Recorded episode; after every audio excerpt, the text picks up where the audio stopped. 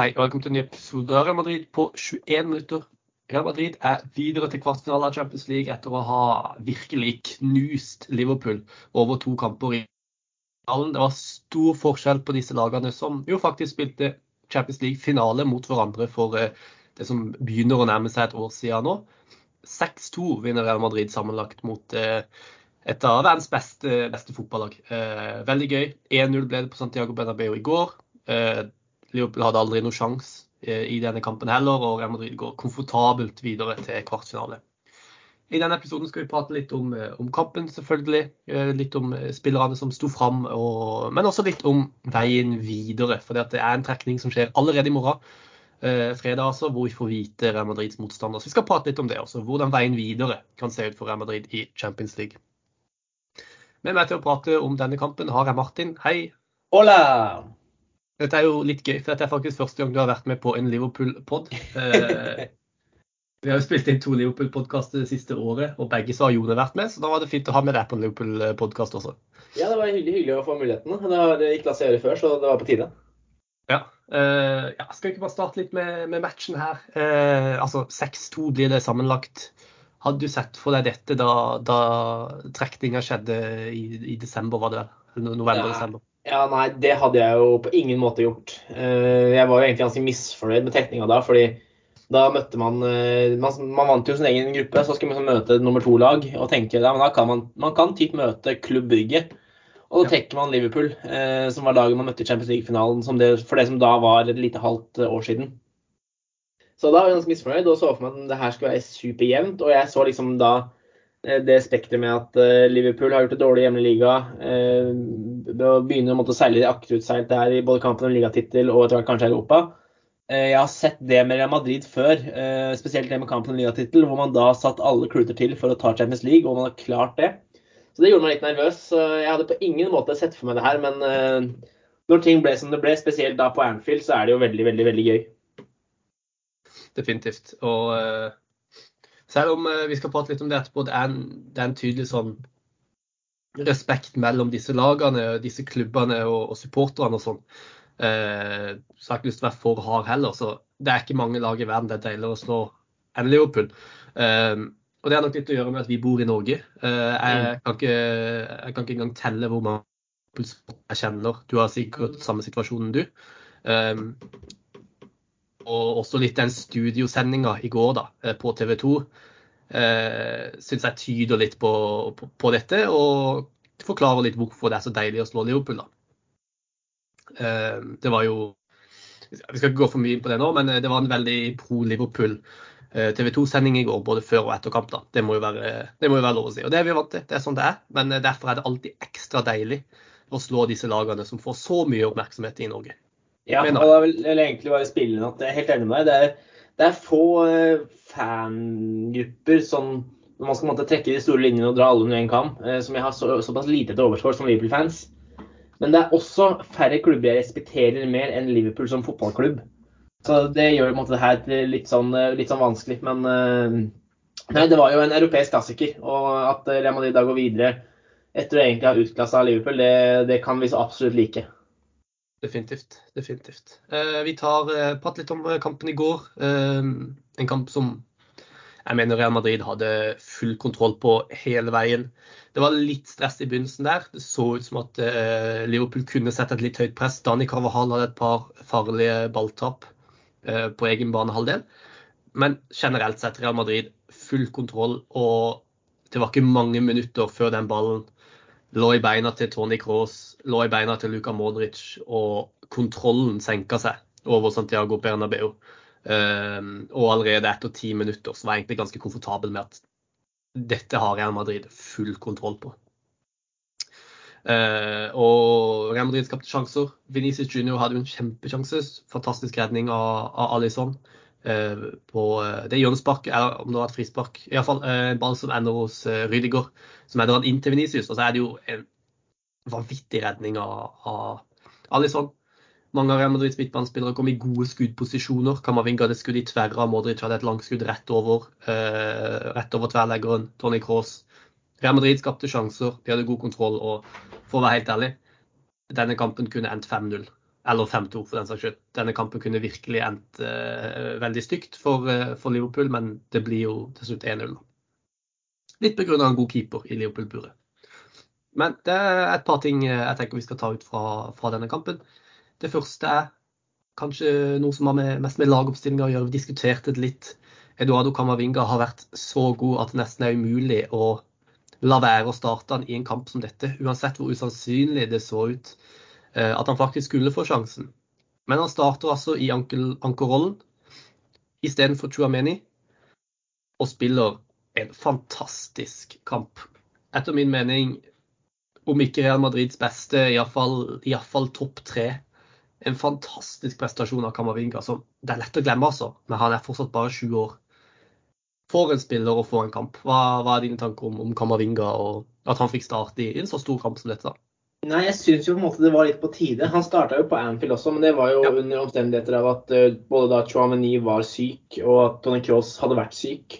Mm. Uh, så det var liksom, liksom kriseløsning. Uh, og vi snakka jo om det her før kampen, og jeg var helt sikker på at det var Chouameni som skulle starte. Han gjorde en god figur mot Spanjol i helga og er i ferd med å finne formen igjen. Og gjennom det hele høst òg, så har liksom Eller så var Chouameni åpenbart en del av denne såkalte Once the Gala, som er liksom den toppa startserveren når Real Madrid skal stille med. Uh, man betalte så mye penger som man gjorde, og alt, alle de faktorene der. Da, så jeg var liksom helt overbevist over det. Men det er veldig godt å se at Angelotti uh, faktisk da belønner prestasjoner over, om ikke navn, men uh, andre faktorer. da. Fordi Faktum er jo at i 2023 så har Kamavinga vært vesentlig bedre på banen enn det Chouameni har vært. så hører de også med til historien at det kampklimaet som egentlig ble i går, det passer også Kamavinga bedre enn det kanskje gjort Chouameni. Ja. Kamavinga er mer teknisk, han er bedre på si, småbanespill, bedre med ballen i beina, eh, mer en relasjonell spiller. Der Chouameni er åpenbart eh, vesentlig mer fysisk sterk. Eh, og ville måtte hatt eller kampkrim eller passa han enda bedre i en kamp f.eks. Real Madrid måtte angripe, hvor man ville få kontring på kontring på kontring mot Real Madrid.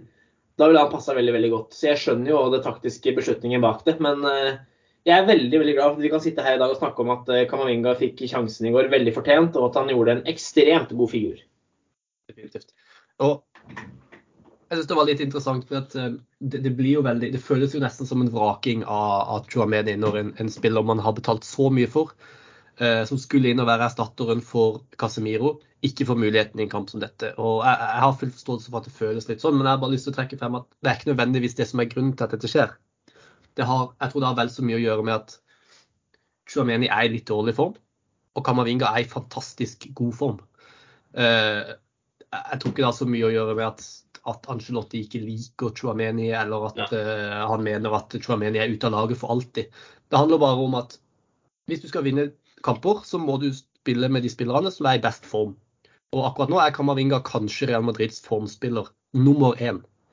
Eh, så for han å ikke starte denne kampen hadde rett og slett vært rart. Eh, og hvis man er fast bestemt på å bruke Modric og Kroos, eh, så var det ankerrollen som var for han i, i den kampen. Så jeg, jeg, forstår på en måte at det føles veldig som en vraking av, av Chuameni, men jeg liker å se på det mer som en belønning til Kamavinga, som har vært i så god form, og som jo selvfølgelig virkelig tar vare på denne muligheten.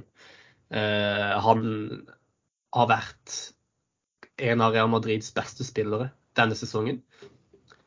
Det, jeg, det hadde jeg egentlig ikke forventa at jeg kom til å si på, på starten av denne sesongen, men han, han, vokser enormt for hver eneste kamp. og Det kommer til et punkt som jeg sa, er, det er umulig å ikke starte han nå. Men spørsmålet er jo er det en formgreie, eller er det, er det en greie hvor, hvor Kamavinga faktisk har blitt en etablert spiller i Real Madrids første elver? Jeg vil jo enn så lenge si at det er en formgreie. Vi, vi brukte jo veldig store deler av høsten 2021 på å liksom debattere om eh, Venicius Junior var blitt så god som han var blitt, eller om det var en formgreie. og Da gikk det vel nesten et halvt år før vi var sånn nei, det her er ikke form, det er, måte, det er klasse, det er permanent. Eh, og Kamavinga har jo vært en spiller som har hatt eh, ups and downs, da, for å si det på den måten. Ja. Så jeg tror absolutt det er en formgreie, men eh, det er viktig som det du påpeker med at det, er litt feil å se på det som at eh, Chouameni ble vraka, men det er mer riktig å si at Kamavinga ble belønnet. Og det er jo et viktig element med den signaleffekten det er å sende ut eh, fra Anslotti. Den viser på det at hvis du faktisk leverer og gjør ting eh, ekstremt bra når du får sjansen, så blir du belønna med sjansen i de største kampene. Og det har jo ofte vært litt sånn aber mot Ancelotti, spesielt i den forrige perioden hans. At da var det sånn den der gamle gjengen som fikk spille nesten uansett hva. Så det er jo veldig, veldig, veldig godt å se. Ja. En, en magisk spiller som jeg tror vi kommer til å få glede av, veldig lenge. og det er jo også han som spiller den pasninga til Karin Benzema i forkant av, av skåringa. Det, er jo gått en sånn greie rundt på sosiale medier nå at Benzema faktisk fortalte Kamavinga hva han skulle gjøre i den situasjonen tidligere i kampen. Fordi at Benzema la merke til at Liverpools stoppere lå veldig bredt fra hverandre. Antageligvis da fordi at de stolte såpass mye på sin egen fart, men også at Konaté skulle ut og forsvare seg mot Venicius. Eh, Benzema oppdaga det og sa til, Kamavinga det er plass mellom stopperne. Og det er jo nettopp det som skjer. Og så er det litt klabb og babb som gjør at den ballen til slutt ender i mål. da. Eh, men det starter jo med et vanvittig overblikk fra Kamavinga eh, og en fantastisk pasning. Så ja, ikke langt unna å være banens beste, Kamavinga i går. Og det er helt vanvittig for en, en sjuåring som på papiret ikke engang spiller i sin beste posisjon. Men snakk om barns beste. Han får god konkurranse fra eh, en, en, tysker som har holdt på i mange år. En av mine kjæledegger, det er det ingen tvil om. Eh, det har jeg aldri lagt skjul på heller, at jeg er svak for Tony Cross. Men i denne kampen eh, her så viser han nok en gang hvorfor han er en av tidenes beste midtbanespillere. Den roen han har eh, med ballen, de pasningene han spiller, den tryggheten han gir alle rundt seg, er så godt som eh, unikt i fotballverden. Det er kanskje bare han kroaten på andre sida av midtbanen som kan gjøre det på samme måte. Eh, og de to sammen i denne kampen Jeg var litt skeptisk. Jeg var litt skeptisk til, til på en måte den energien de har sammen. Uh, om det var nok. Uh, men det, det, var det. Og jeg skal aldri klage lenger når uh, Angelotti starter de to sammen. Det har jeg ingen grunn til. Tony Cross, hva, hva syns du? Nei, eh, det er jo egentlig bare å nær, nær sagt lese opp det, mange, mye av det jeg så på Twitter i går fra ganske prominente stemmer i Spania. Det er jo det er både folk som skriver sånn eh, eh, si, Aldri legg opp Tony Cross. Eh, tenk at Tony Cross vurderer at det her skal være hans siste sesong. Eh, og sånne ting, det, det, gir jo ikke mening. Men eh, det faller på en måte litt sammen nå da, med at han har sagt at hvis han skal gi seg i Real Madrid, så vil han gi seg på topp. Og det er jo ingen tvil om at han er på topp nå. Så får vi ta den diskusjonen her en annen gang, men det han gjør mot Liverpool i går, det er eh, Det er rett og slett stor idrett. Måten han egentlig du sier det, De første ti minuttene der, da er det litt press, og så sier egentlig han bare eh, Luka, nå, nå, nå, tar vi, nå, tar vi, det her. Så tar vi ballene på bakken, så tar vi det med ro, og så triller vi kule, og så har vi det gøy. Eh, og det var egentlig det det gikk, gikk i. Men han satte jo helt standarden for resten av kampen. og husker jo veldig godt uh, et intervju med Casemiro det er noen år siden, hvor Casemiro poengterte det at det er Tony Cross som bestemmer hvordan Real Madrid spiller. Vil Cross at Real Madrid skal spille raskt og hurtig, så er det Tony Cross som tar den avgjørelsen. Vil man man skal ta det med ro uh, og ha ballen i laget, så er det òg Tony Cross som bestemmer det. Og det syns jeg egentlig man fikk et uh, veldig godt bevis på i går. fordi nei, det, det den mannen gjør for så vidt både med og uten ball i går, og måten han organiserer det laget, er det er mektig, mektig imponerende. Definitivt. Og ja, jeg, mener at Real Madrid må kaste alt på han, alt han vil ha. Alle forsikringer han har lyst på. det er en spiller som må være med videre, for han, han har mange gode år igjen på banen, tror jeg. Og jeg syns også dette er en kulminasjon av det vi har sagt, at Tony Cross er kanskje inne i sin beste sesong i Real Madrid.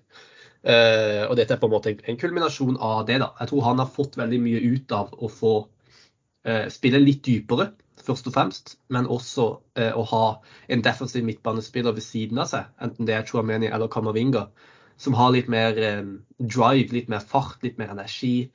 som gjør at han kan ligge litt dypere. Det, var, det er, veldig, det er betraktelig lettere for Tony Cross å gå dypere i banen når det betyr at han sender en en kreativ spiller som kommer vinga litt lenger fram, enn hvis det f.eks. var Casemiro, som, som, stort mm. sett måtte ligge i den defensive rollen uansett. Så jeg tror det kanskje er en litt sånn undervurdert del av, av Tony Cross sin sesong. da, at, faktisk, at, han faktisk har fått Chuameni eller Kamavinga inn der ved siden av seg istedenfor Casemiro. Tror jeg har gjort Tony Cross bedre. En annen spiller som, eh, som virkelig imponerte i går, som eh, jeg har lyst til å trekke litt fram. Eh, jeg syns mange i forsvaret var gode. Militaus viser nok en gang at han er en av verdens beste midtstoppere.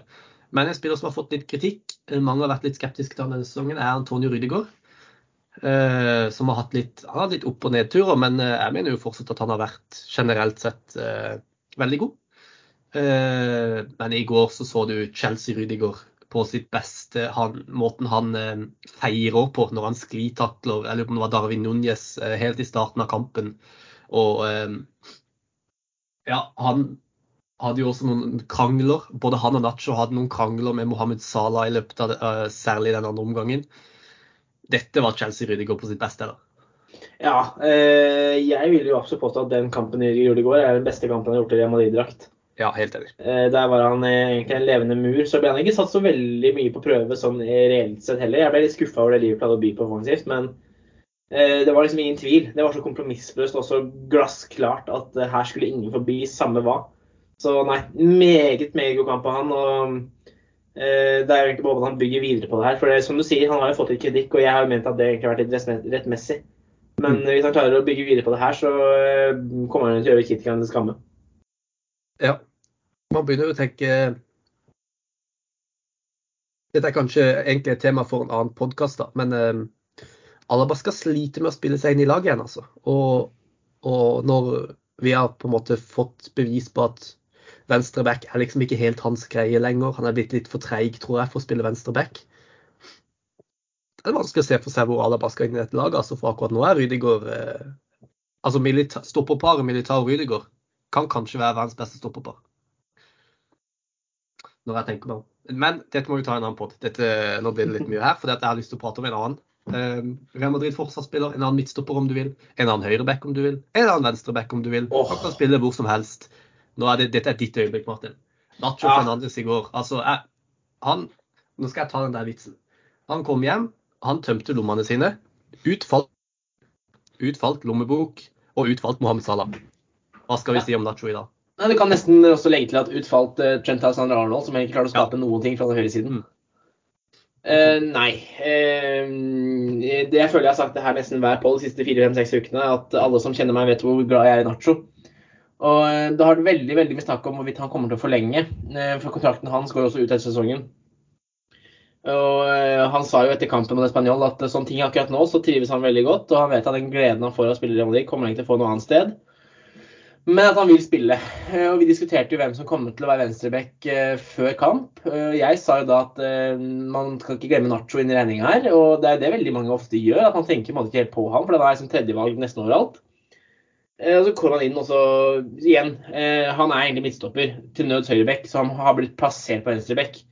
Og da setter han eh, Liverpools egentlig store formspiller, og da også en av verdens beste høyrekanter, fullstendig i skyggen. Vi snakket om hvorvidt Felah Mendy kom til å trekke kampen fordi Mendy var så god mot uh, Salah i Champions League-finalen. Så sier Nacho bare 'hold my beer'. Uh, så nei, det var en uh, helt absurd god prestasjon. Og der du sa at man må kaste det man uh, si, både kan og vil etter Tony Cross, så mener jeg at det egentlig skal gjelde Nacho Fernandes også. Fordi eh, en, eh, en stor, større klubb man, han, det finner man ikke. Og når man, han leverer på banen som det han faktisk gjør nå, etter å ha passert 30 godt og vel så det. Så nei, det er man, hva er det man sier, eller hva er det man ikke, ikke sier? Bøyer seg i støvet og tar av hatten. Ja, det er det man ikke skal si, men uh, akkurat nå skal man si det allikevel. Ja, eh, og det er, det er Nacho, men og jeg er enig, det er Rydiger også. Det er de to sammen som bare bestemte seg for at Mohammed Salah han skal ikke gjøre en dritt. Da. Vi skal irritere. Vi skal være, vi skal være tøft i han. Um, og du kunne se at Salah ble mer og mer frustrert av uh, shithousery som Rydigård og Nacho drev med, og virkelig fantastiske kamper. Og en ting jeg tenkte litt på i går, som kanskje også er egentlig et tema for en annen podkast, men Nacho har vært så god i det siste. Det er ingen tvil om at han har gjort seg fortjent til oss mer spilletid og ikke minst en ny kontrakt. Og så har man en høyreback, som jeg mener er Real Madrids soleklart svakeste posisjon. Det er ikke noe jeg mener, det mener jeg er en objektiv uh, sannhet. Real Madrids svakeste posisjon er høyreback. Nå kommer Mendy tilbake, som vil si at Nacho ikke kommer til å få noe særlig spilletid på venstreback. Men hvorfor ikke gi han sjanse på høyreback? Jeg er helt enig. Klarer ikke han seg bedre i de store kampene enn det Carvahall gjør?